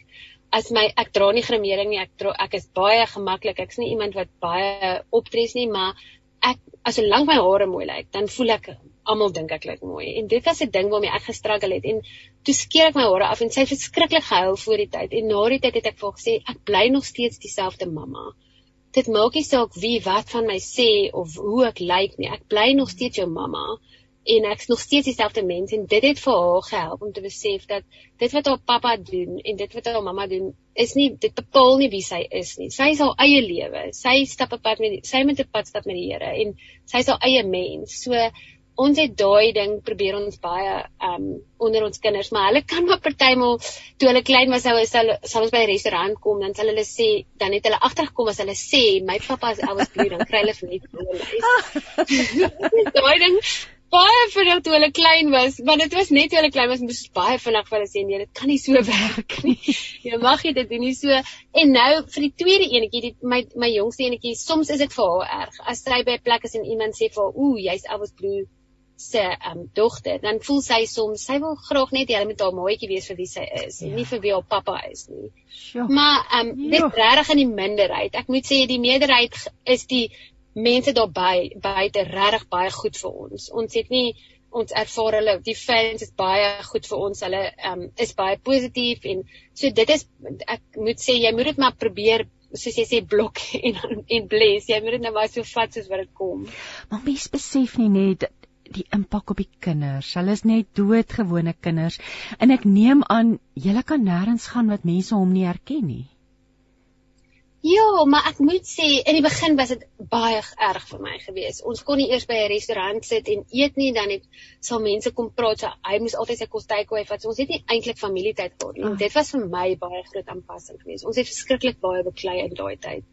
Maar met tyd het raak jy gewoond en dit raak ook minder, maar die fans is regtig baie mooi met ons. Ek meen die mense kan nie wag om hom te sien nie en om dit te beleef. Mens moet net onthou as dit nie vir die fans is nie, dan sal jy loop on. Jy ja. sal sukkel want hulle ondersteun jou, hulle koop jou musiek, hulle luister jou musiek. So as dit nie vir die fans was nie, sal dit swaar gaan. So um en soos ek sê, die mense, ag om mense se gesigte te sien as hulle vra kan hulle foto neem dit is regtig vir hulle so hmm. lekker en ek dink dit maak dit vir 'n mens beter. Dit maak dat mens voel, "Jesus, hierdie is regtig die moeite werd want mense geniet. Hulle doen dit regtig omdat hulle hom ondersteun." Ja, en die so dit kan die slegte daarin sien en mens kan ja, ook die positiewe ja. daarin. En die padstal het seker bietjie meer 'n tipe van 'n balans ook gebring in julle lewe, um, van 'n normaliteit van hierdie lewe van van 'n van 'n sanger of 'n kunstenaar in Suid-Afrika of nie waar nie? Ja, dit is definitief. Ek meen, ehm um, dit dit wys ook vir ons kinders dat mens moet mens moet hard werk. Mens kry nie net alles in die lewe nie. Mens moet hard werk en regtig jou besigheid aan die Here opdra en vertrou dat die Here gaan voorsien. So beteken dit dat dit ehm um, soms nie sleg gaan nie of die goed nee, dit gaan nie altyd goed nie, maar dit gaan ook soms sleg, maar mens moet mens vat dit regtig stukkie vir stukkie. Soos my man, my skoonma altyd gesê het, um, mens moet mens moet 'n berg klim. Jy moet hom klim, jy vat hom stappie vir stappie klim jy hom. En so so gaan dit regtig net goed en um en as dit sleg gaan dan vat ons dit saam as 'n gesin en ons werk daardeur. Kom ons praat 'n bietjie. Julle die julle is julle al hoe lank nou daaronder in die Suid-Kaap? Ons het in 2007 in die heel begin um afgetrek van Johannesburg af George toe. Toe um I was Idols wen toe ons 'n jaar teruggetrek Johannesburg toe, maar dit was vir my swaar geweest en ek het hom gevra omdat hy so baie weg was, was dit net ek en my oudste geweest en on, en ons het regtig nie altyd veilig gevoel nie en ag ons het hierso al so lekker vriende groep gemaak. Ek vir ek was gevra of is daar 'n moontlikheid dat ons eerder kan terugtrek en toe het ons in 2012 teruggetrek en ons is al van 2012 af hier. Sjoe, dis ook al 10 jaar. Hoe vlieg ja. die tyd nie, nê. Kom ons praat net oor die pad vorentoe vir Elbus. Ek wil ook hoor wat is die reaksie van die mense op die program? Hoe ja, pad vorentoe met Elbus. Um, ek rondom die social media weet ek glad nie. Ek het myself beloof dat ek glad nie gaan kommentaar lees nie. Maar as ek kyk van wat die mense vir ons kom terugvoer gee by die pad staan en as hulle ons sien, is dit net positief. Um die mense is verskriklik geïnteresseerd. Die bus het totdat hy hy's nou al reeds klaar want ons het ons nou vooruit geskiet. Ja. So hy het um die hele tydperk was hy langs die padstal gewees. So mense kon kyk um terwyl ons dit doen. So die mense was verskriklik opgewonde saam met ons en almal wil graag sien hoe dit werk en alles. En toe het ons so 'n bietjie van 'n um reveal gehad toe hy klaar is. So mense die um local mense kon kom en kom kyk het en en ons het ook 'n show gehad, so 'n mini show gehad bo op die dak waar hy die stage dan nou het. En um nou op die oomblik is hy net in vir sy motor herstel maar van daar af ons het nou al een keer met hom gaan kamp wat nog 'n uitdaging was van die venster het gelek toe dit reën en oef die wit het vol bewaar. Maar dit was baie lekker. Sê daar is nou goedjies wat ons so kon uitfigure wat ons nou nog moet regmaak en nou um van hier af Elvis doen sy eerste um Elvis show die 8 die 28ste April by Outernikwa Laerskool. En dan kaartjies is nou daarvoor te koop by die skool self. En dan gaan hy nou 'n show hou en daar's 'n piknik op die skoolgronde. En en dan gaan hy en sy bande op te daar bo op die bus. So mense gaan ook dan die bus kan sien en ons is verskriklik opgewonde oor dit. So van daar af gaan ons nou gaan hy nou toer van skool en van skole en um kerke na klein dorpies toe. So skole en kerke kan hom nou boek vir dit en dan kan hy nou show hou en 'n fondsinsameling so vir skole hou. Fantasties. Ja het hy baie planne. Hy wil baie graag ook 'n toer doen en skryf saam met ander skrywers. So hy wil toer van plek tot plek en verskillende skrywers tyd mee spandeer en skryf hulle saam. En dan ook wil ons um, dit natuurlik as 'n kamper gebruik en Airbnb. So ons wil ook dan die mense daar buite die geleentheid gee om ook in die bus te kan bly. So jy gaan ons gaan hom dan opsien maar by die see um, stop en by kampeerplek en dan kan jy bespreek om in die bus sê maar vir 'n tydjie te bly of vir 'n week of 'n ja. paar aande of so. Ons wil dit graag oopmaak vir die publiek. Ware entrepreneurskap, nê? Nee? Hoe ongelooflik en ek is so hou so van julle speel, speel met die naam, die Elvis Blue en die Elvis Brew en die Elbus. Um ek net vir ons luisteraars noem, ek gesels met Cherise van Duyk. Ag, Cherise Hogenduyk, sy's getroud met Elvis Blue. Ons praat oor die program Elvis Bou Elvis Blou so in hakkie se L. Dit is op maandag aande om 07:30 op DStv op Via. Dis ook beskikbaar op Catch Up so en die DStv toep as jy wil gaan kyk as jy die eerste paar episodes gemis het. Jo, Cherise, dit is so lekker om met jou te gesels het vandag en en ag ek wens vir julle net alles wat mooi is. Ehm um, ek ek wil sommer nou vir jou vra skrif wat vir julle belangrik is as 'n gesin wat jy dalk vandag met ons kan deel? Yes, vir my, vir ons is die belangrikste is om te weet dat oek, skus daar kontak ewele is om te weet ehm um, dat maak nie saak wat ons doen nie, wat jy doen nie, is jy kan enigiets doen as jy dit saam met die Here aanpak. Dit is vir ons 'n baie belangrike ding. Die Here is met jou elke oomblik van die dag. In jou slegte tye, in jou goeie tye. Jy hoef nooit bekommerd te wees of alleen te voel nie en dit is vir ons 'n belangrike skrif. Ja, dit is die waarheid nê. Wat wat soos wat daar staan in Josua 24 vers 15, maar ek en my huis ons sal die Here dien. Ons het ook op Radio Kansel se se se Facebook bladsy dit geplaas en ons vra staan jy saam met ons hieroor en julle lewens is 'n getuienis daarvan en ons ons eer julle en ek dink dis deel van die sukses is dat julle so geseënd is en dat julle so openlik leef as gelowiges en regtig dankie daarvoor. Maar alle seën, alle liefde. As ek weer verbykom kom, val ek in vir koffie. Ehm um, en ook 'n draai, dit sal vir ons baie lekker. Ag, en sommer net alles wat mooi is vir julle en julle hele gesin. Ons gaan nou luister na 'n stukkie musiek wat van Elvis. So ons gaan luister na Elvis Blue wat vir ons seëngebed gaan sing. Maar mooi bly en 'n lekker dag vir jou, Cherise. Deel ons passie vir die lewe op 657 Radio Kansel en 729 Kaapse Kansel.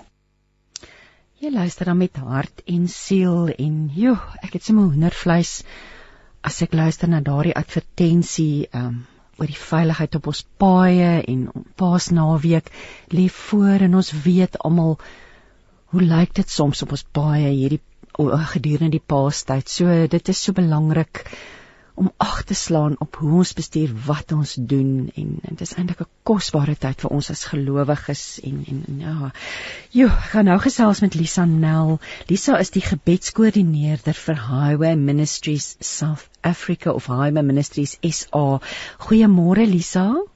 Of is dit Liza? Goeiemôre. Is dit Liza Nee, dit is Lisa. Lisa. Lisa, Lisa, so dankie vir die geleentheid om met jou te gesels. Um, ek wil nou vir jou vra julle werk. Jy's die gebedskoördineerder, maar wat vertel ons meer oor Highway Ministry South Africa asseblief? Ehm um, ag Christine, ek dink ehm um, die doel van Highway Ministry is uh, om op die paaie uit te gaan en te soek. Jy weet die woord sê, ehm um, gaan na die lanings en bring die mense in. En ehm um, dit is die doel van Highway Ministry is aan my kant wat die gebedskoördineerder is, um, die doel om mense in te bring om weer te bid. Ek dink ons het vergeet van die krag van gebed. Ja. En um, so ons hele hart en ons roeping gaan uit na uh die voorbidders in ons land. Ek sê altyd ons bly in die paradys. Suid-Afrika is die mooiste en die beste plek op die aardbol. En hier is ware gelowiges wat werklik ware pad saam met God loop en wat weet dat hulle bid, hulle is nie noodwendig mense wat op die paaie kan uitgaan nie, maar hulle is voorbidders en hulle neem hulle gebedstyd baie ernstig op. So ehm um, dit is eintlik ons roeping op die uh, ons noem dit sommer ehm um, highway prayer patrol. Ons patrol die paaie, ons patrolleer die paaie met gebed.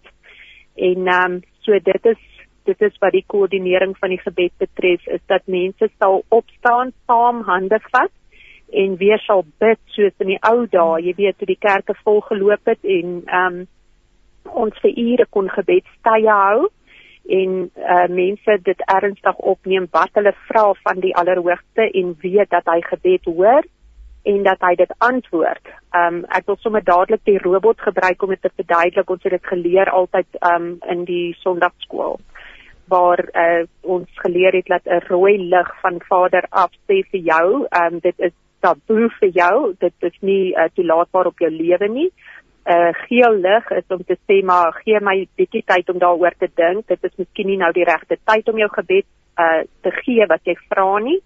En dan die groen lig is wanneer hy iets gee wat ons in sy wil vra.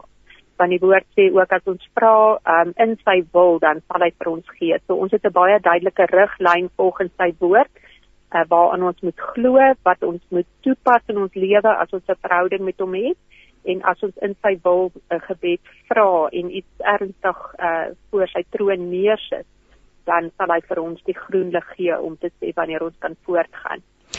Daar um, daar's so baie simbole of die woord, rondom pad en paaie in die woord nê. Nee. Dit as as mens bietjie daaroor gaan nadink, kom ek dink onmiddellik aan die skrif wat sê kyk, ek lei jou na die regte pad draai links of regs. Ek gaan jou lei.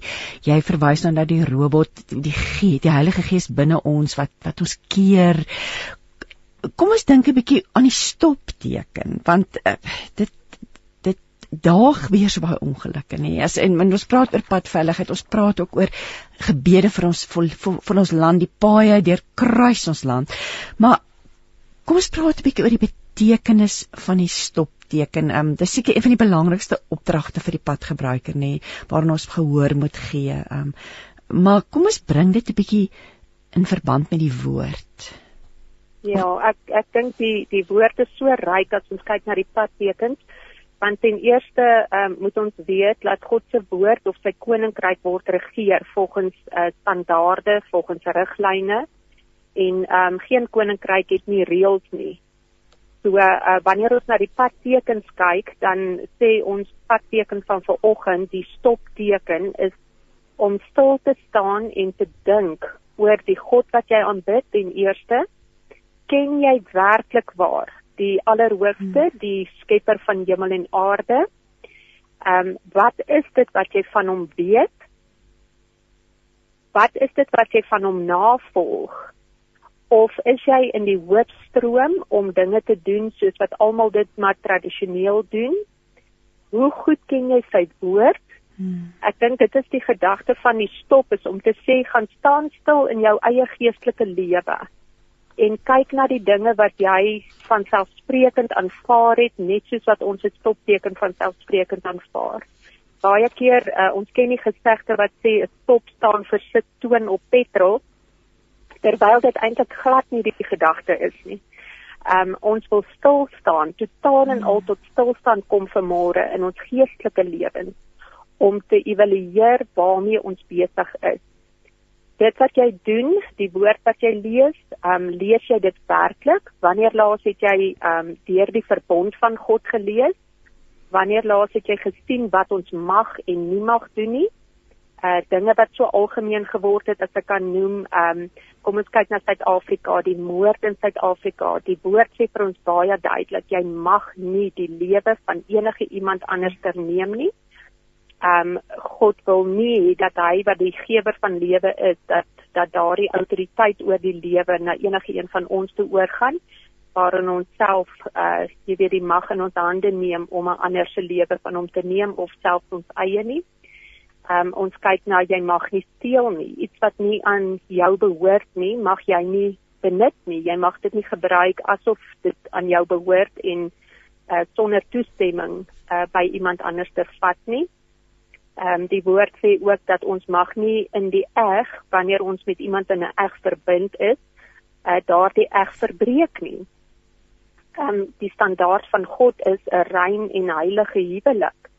Ehm um, en hy wil hê ons moet vanmôre kyk na ons eie lewe as hy sê jy mag nie jok nie met ander woorde jy mag nie die waarheid verdraai nie dan moet ons vanmôre na ons lewe kyk en sê maar doen ek hierdie dinge? Hoe ver is ek van die standaard van God af? Ehm um, het ek so bietjie vir bietjie begin afdwaal en op die ou ende myself ver weg van hom af bevind God wil hê ons moet sy woord vat, self lees en ek dink dit is wat die uh, tyd met die COVID-19 vir ons eintlik weer 'n groot guns gedoen het is dat ons nie gaan na 'n diens toe nie, maar dat ons self in ons eie huis opgesluit is met God se woord. En ek dink dis die grootste guns wat daar vir die gelowige gegee is, is om tyd afgesonderd te spandeer met hom sodat sy gees jou kan lei om die waarheid raak te sien in sy woord en dan te evalueer of jy nog uh stil staan by 'n stopstraat en of jy daardie geleentheid vat om elke uh elke wet, elke riglyn, elke standaard so bietjie te buig totdat jy later glad nie meer stil staan en nie meer besef hoe ver jy van die waarheid af weggedwaal het nie. Jy sê nou iets regtig belangrik Lisa want ons leef in 'n gejaagde tyd. Tydens die pandemie was ons almal tot stilstand geruk in die grendeltyd. Was ons gedwing om rustig te wees. Maar as mens nou kyk hoe lyk die paaie? Hoe besig is die winkelsentrums? Hoe aan die gang is almal? Hoe gou het ons nie alweer vergeet daarvan om te stop nie nê? Um, so dit is dis dis regtig kosbaar wat jy sê ons moet stop en ons moet oordink en en weet waartoe ons op pad natuurlik nê. Eers as ons gestop het, weet ons waartoe ons gaan. Ja, ek dink dit gee jou die geleentheid om weer links te kyk. Hoe sê die ehm um, ja. K53, né? Kyk links, kyk ja. regs, kyk links. ja. uh, kyk weer regs. en ehm um, ja, met ander woorde, ehm um, staan 'n bietjie stil vanmôre en kyk 'n bietjie links. Wat doen jy? Waarmee is jy hmm. besig? Waarmee is jou vriende besig? Um, en dan kyk weer reg. Jy weet wat is die pad wat mm. God wil hê jy moet loop? Uh, maak 'n opsomming daarvan en bestudeer dit, oordink dit, mediteer daaroor. Uh, Moenie net dat dit uh, jy weet soos die ou mense het altyd gesê dat dit by die een oor ingly en by die ander ene uit. Moenie dat dit by jou een oor ingaan en en by die mm. ander een uitglip sonder dat jou gedagte wêreld daar rondom gevou het om dit te bedink, dit 'n bietjie te kou, dit te verwerk en die waarheid daarvan raak te sien nie. Ek is nog geïnteresseerd. Ek wil ek wil 'n bietjie meer weet oor julle organisasie. Um as jou werk spesifiek as gebedskoördineerder, julle sê julle nooi alle gebedsgroepe in Suid-Afrika om saam met ons na die paaie en die howe van die land te gaan om vir ons land en sy mense te bid. Fisies besoek mense ook partykeer fisies die paaie of en hoe wat behels jou werk as gebedskoördineerder? Ja, ek dink um, in Suid-Afrika het ons op hierdie stadium in Woester, um, ek dink Natal, uh, selfs die noorde op pad na Pietersburg toe by um, by die petrol uh stasies. Uh slaan ons tente op en maak by Alzoos in in die noorde, ehm um, maak die uh pad gereed, jy weet ge, uh, ja. gereed, die tent, 'n uh, gebedstent. Ons is op die N3 by Alberton nou die uh, naweek wat volg ehm um, slaan ons 'n gebedstent op en dan soos wat uh, die publiek dan reis na hulle finale bestemmings nooi ons hulle om by ons te kom inloer. Ehm um, as jy nie self wil bid nie, kom dat ons vir jou uh, bid, maar ons ons gedagte is om die hele tyd te bid vir die mense op die paaie uh, wat agter 'n voertuig uh, se stuurwiel sit, wat kinders in die kar het, ehm um, of in die motor het wat uh, met uh, busse en vragmotorbestuurders self elke mens 'n mamma met haar kinders 'n pappa met sy gesin um, ons bid vir die veilige uh, reis in hierdie tyd maar meer as dit dat mense 'n absolute honger in hulle hart sal kry om weer die woord op te neem en dit te lees. Ons gebed gaan daaroor dat dat uh, ons het so gewoond geraak aan 'n sekere patroon vir ons gelo ge geloofslewe. En ons bid dat ons hemelse Vader daardie patroon sal breek en dat mense uh, aangesig tot aangesig met hom sal ontmoet en dat hulle gebedslewens lewendig sal word. So um, as ek sê ons bid op die paaie dan nooi ek vanmôre elke um, gebedsgroep leier, elke gebedsgroep lidmaat uh om om hierdie tyd ernstig te bid vir Suid-Afrika. En weet jy, ons bid nie net vir die uh, veiligheid op die paaie terwyl hulle reis nie. Ons bid in hierdie tyd vir Suid-Afrika. Ek dink nie daar's een inwoner in Suid-Afrika wat um, kan sê dat ons land het oor die afgelope paar jaar baie sleg uh, geestelik skade gelei. En um, ons wil bid dat Vader hierdie um die besoek van die die booste uit ons land uit sal verwyder. Um ons kan nie vir hulle plek maak nie. Ons kan nie uh daarmee uh vrede maak dat dinge soos wat dit gaan in ons land dat dit maar net kan agteruit gaan nie. Ons is die sout van die aarde. Ons moet smaak gee. Ons is die ligdraers. Ons moet teestaan dit wat uh, gebeur en ons moet weier om dit te aanvaar. So ek nooi jou my boetie en my sussie kom bid saam met ons. Al al kan jy nie uitkom nie. Ek weet daar's baie mense wat nie op die paaie kan uitkom nie, maar daar in jou binnekamer kan jy 'n groot verskil maak. En uh al wat ek vra is meld aan vir diens op jou knieë. Um ek hoef nie jou naam eers te hê nie, maar ek sal baie graag van jou wil hoor. Maar um in in alle eerlikheid vra ek bid saam met ons 24 uur 7 dae 'n week. Hoe hoe lank bestaan julle uh, julle um, julle bediening al? Okay, Highway Ministry is al baie jare. Ek neem uh, ek dink dit is meer min of meer 30 jaar. Ehm um, wat ons op die paaie uitgaan. Dit gaan nie net oor 'n uh, gebedstent nie, die gebed uh, prayer patrol soos ons dit noem, 'n uh, gebedpatrollie. Ehm um, dit het ek so om en by 4, ek dink 4 of 5 jaar uh, terug betrokke geraak.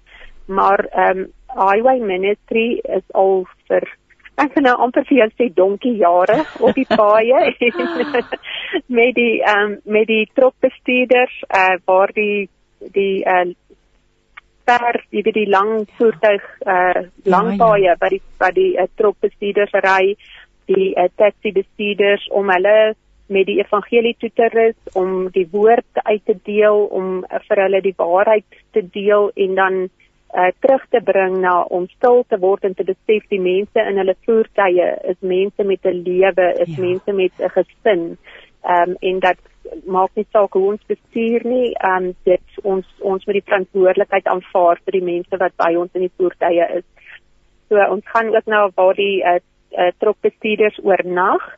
Uh daar's verskeie fasiliteite in ons land dat wanneer dit so gevaarlik is op die paaie en um, daar teen die trokbestuurders uh die uh opgetree word, dan kan ons uh, jy weet dan help ons waar hulle by die by die uh stil oornagplekke kan stil staan en um, dan word die woord ook daar met hulle gedeel.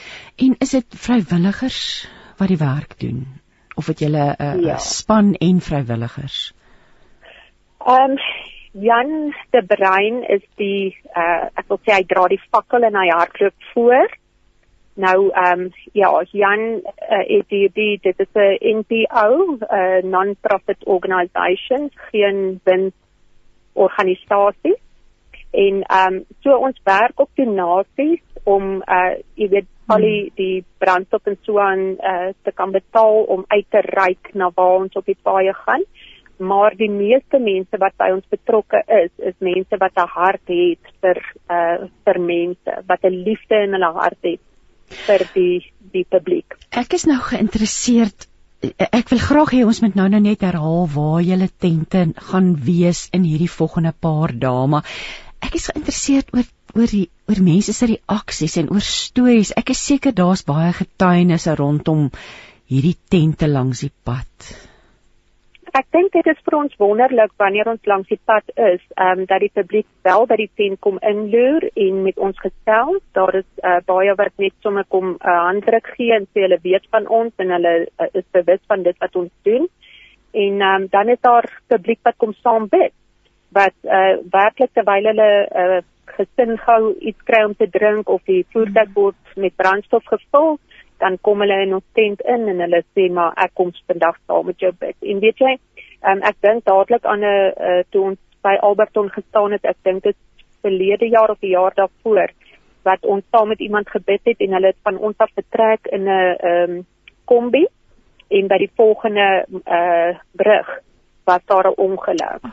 En um, kon ons net absoluut uh dankbaar wees dat ons saam met hierdie mense kon gebid het vir uh beskerming op die paaie.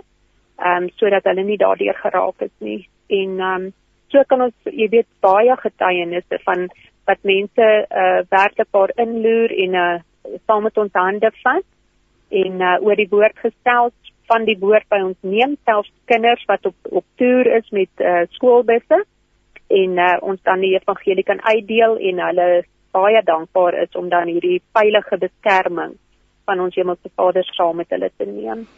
Ja, want julle visie en julle missie eh, missie is natuurlik om die woord van God aan alle padgebruikers um, te oor te dra die liefde van Jesus te wys en en dan so interessant dat julle ook dan die probleme nê wat want ons ons ons ken nie die lewe nie van 'n van 'n trok of van 'n taxi bestuurder nie. Daar's so spesifieke uitdagings. Hulle stel hulle lewe in gevaar elke dag. So dit is so groot deel van van van wat jy doen. En ek dink ook net aan die gewoonte van ons as ehm um, gelowiges om ons bid vir ons ry nie bid vir die beskerming ja. op die pad. Dis dis so mooi gewoonte en dan natuurlik mes onthou om dankie te sê as jy veilig gearriveer het aan die ander kant. Jo, wat 'n wonderlike. So hierdie tyd van die jaar is seker van julle besigste tye, hierdie en die Kerstyd, maar veral die Paastyd. Is dit nie so nie besigste tyd vir julle vir julle bediening? Ons gaan uh, meer as een keer 'n jaar op die paaie, so dit is uh, hoofsaaklik met die skoolvakansies. Ja. Ehm um, So die volgende uitreik sal wees Oktober uh, met die week skoolvakansie. Dan is ons weer op die pad uh in Desember met uh die Desember vakansie. So ehm um, maar ons ry nie net uit op die paaie nie. Ek dink as daar enige organisasie uh is wat ons wil nooi, of uh, enige uh, geestelike byeenkoms. Ons uh, reik ook uit so wat ons uh, uitstalling hou en uh, jy weet van ons inligting versprei um, om die mens meer bewus te maak. Jy weet dat uh, ek dink die die Skepper God het elke mens gemaak omdat hy ons wou gehad het.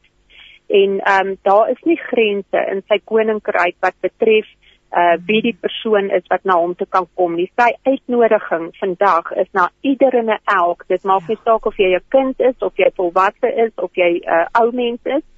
Um maak nie saak van watter kultuur Vader het vir elke een van ons 'n plek in sy Vader hart. en hy roep vanmôre dat ons sal terugdraai na hom toe. As ek dink aan die u-draai, as jy op 'n verkeerde pad is, ja. Maak 'n u-draai in jou lewe en gaan terug vat die woord wat jy miskien lankal te gelees het en ondersoek daardie woord. Uh spandeer die tyd maar ontmoet die God van die woord. Ja. Baie keer leer ons pragtige versies en ons kyk na uh, verhale in die woord terwyl ons die God wat agter alles staan. Ehm um, die woord noem hom die breath of life uh, hy is die enigste persoon wat lewe kan gee.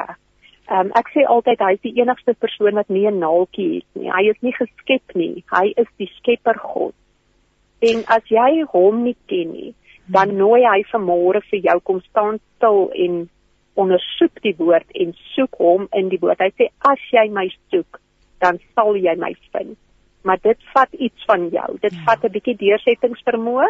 Dit vat 'n honger in jou hart om te sê maar ek wil deur die deur gaan en ek wil die God van hemel en aarde wat op sy troon sit en nog altyd in beheer is. Ek wil hom leer ken. En dan as jy uh, lees, jy weet, uh, mense sê partykeer ons kan hom nie ken nie en dan wil wil ek uitroep en sê maar weet jy dat uh, daar's oor 3000 bladsye van hom geskryf. Ja. Sy karakter ja. is in sy wet uh omskrywe want hy is nie iemand wat sal vloek of steel of uh, doodmaak of seermaak of afbreek nie. Hy is 'n persoon wat opbou en liefde gee en aanmoedig en uitnooi.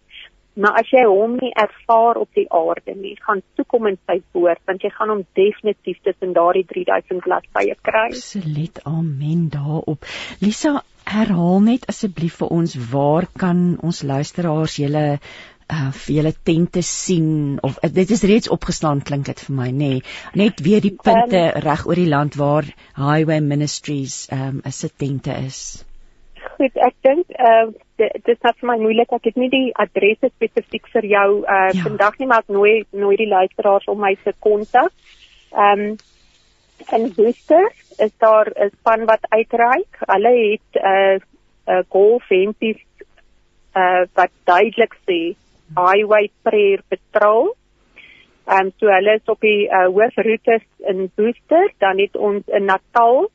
Ehm um, die span daar, ek dink nie hulle is uitkenbaar op hierdie stadium nie, maar ehm um, hulle staan ook uh, op die N3 sy na uh, Durban. Dan het ons by Alzu in uh, wat op die pad is na Pietersburg toe. Ehm um, daar sal julle dadelik sommer die uh die spanne sien en dan is ons by uh, op die N3 site wat ook na Durban gaan by uh die Total uh brandstofstasie en uh ons het ook 'n rooi tent um met baniere. Julle sal baie duidelik die baniere sien. Daar is stoptekens, daar is 'n e-draai, um groot baniere uh wat opgeslaan word om vir die uh, publiek 'n bietjie te laat dink hoe dat die padtekens inpas by die woord van God en hoe dat hy rigting gee sodat ons op die nou paadjie kan bly en nie afdwaal na die breë pad wat die wêreld vir ons bied nie.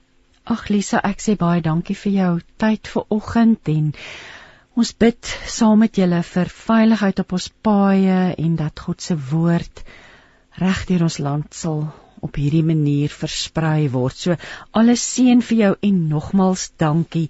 Ehm um, ons gaan nou luister na Melanie Vosloo wat vir ons voorlees uit haar dagstukkie boek Krag vir elke dag. Jy is sy eiendom. Daar's 'n bekende frase in die besigheidswêreld wat sê: "Hm, dis nie sy pa se besigheid nie." Dit beteken dat 'n werknemer nie verantwoordelikheid vir die besigheid neem nie en net doen wat nodig is om sy salaris te regverdig. Daarteenoor neem besigheidseienaars, aandeelhouers en goeie werkers totaal eienaarskap van 'n onderneming. Dit beteken dat hulle alles moontlik sal doen om 'n besigheid te laat floreer. Niks sal ooit vir hulle te veel wees nie. Johannes 10 vers 11 tot 12 lees: Ek is die goeie herder. Die goeie herder offer sy offer sy lewe op vir die skape. 'n Kontrakwerker is hoegenaamd nie 'n herder nie, want dit is nie sy eie skape nie. Jesus is soveel meer as 'n kontrakwerker. Sê hy in Johannes 10 vers 11 tot 12. Hy is persoonlik tot elkeen van ons verbind. Persoonlik tot jou verbind. Hoor jy dit? Jy is so deel van Christus dat hy kies om in jou te wees en dat niks ooit vir hom te veel sal wees nie. Nie in sy lewe was te veel nie. God het homself vir jou gegee omdat jy regtig sy eie is. Mag dit vandag aan jou onuitspreeklike vreugde en 'n diep vrede gee. Grote Heilige, dankie dat ek U in en met alles kan vertrou omdat ek U oogappel is. Amen. Ons het weer aan die einde gekom van nog twee heerlike ure saam. Ek wil dankie sê vir Wosilio vir die tegniese bystand. En ag liewe leser, mag jy, ag luisteraar, mag jy veilig wees, mag jy geborge wees, mag jy hierdie Paasfees as 'n geseënde tyd beleef mag die Here met jou wees. Um ja en en en, en ek ek lees ook net gou vir ons uh, Jimmy Leroux se gebed voor uit die lewe van goeie Vrydag wat sê dis heilige week Here. Op hierdie Vrydag het U alle sonde skuld en straf op U geneem, ook myne. Dankie vir die kruis, Here. Amen. Tot volgende week dan. Totsiens.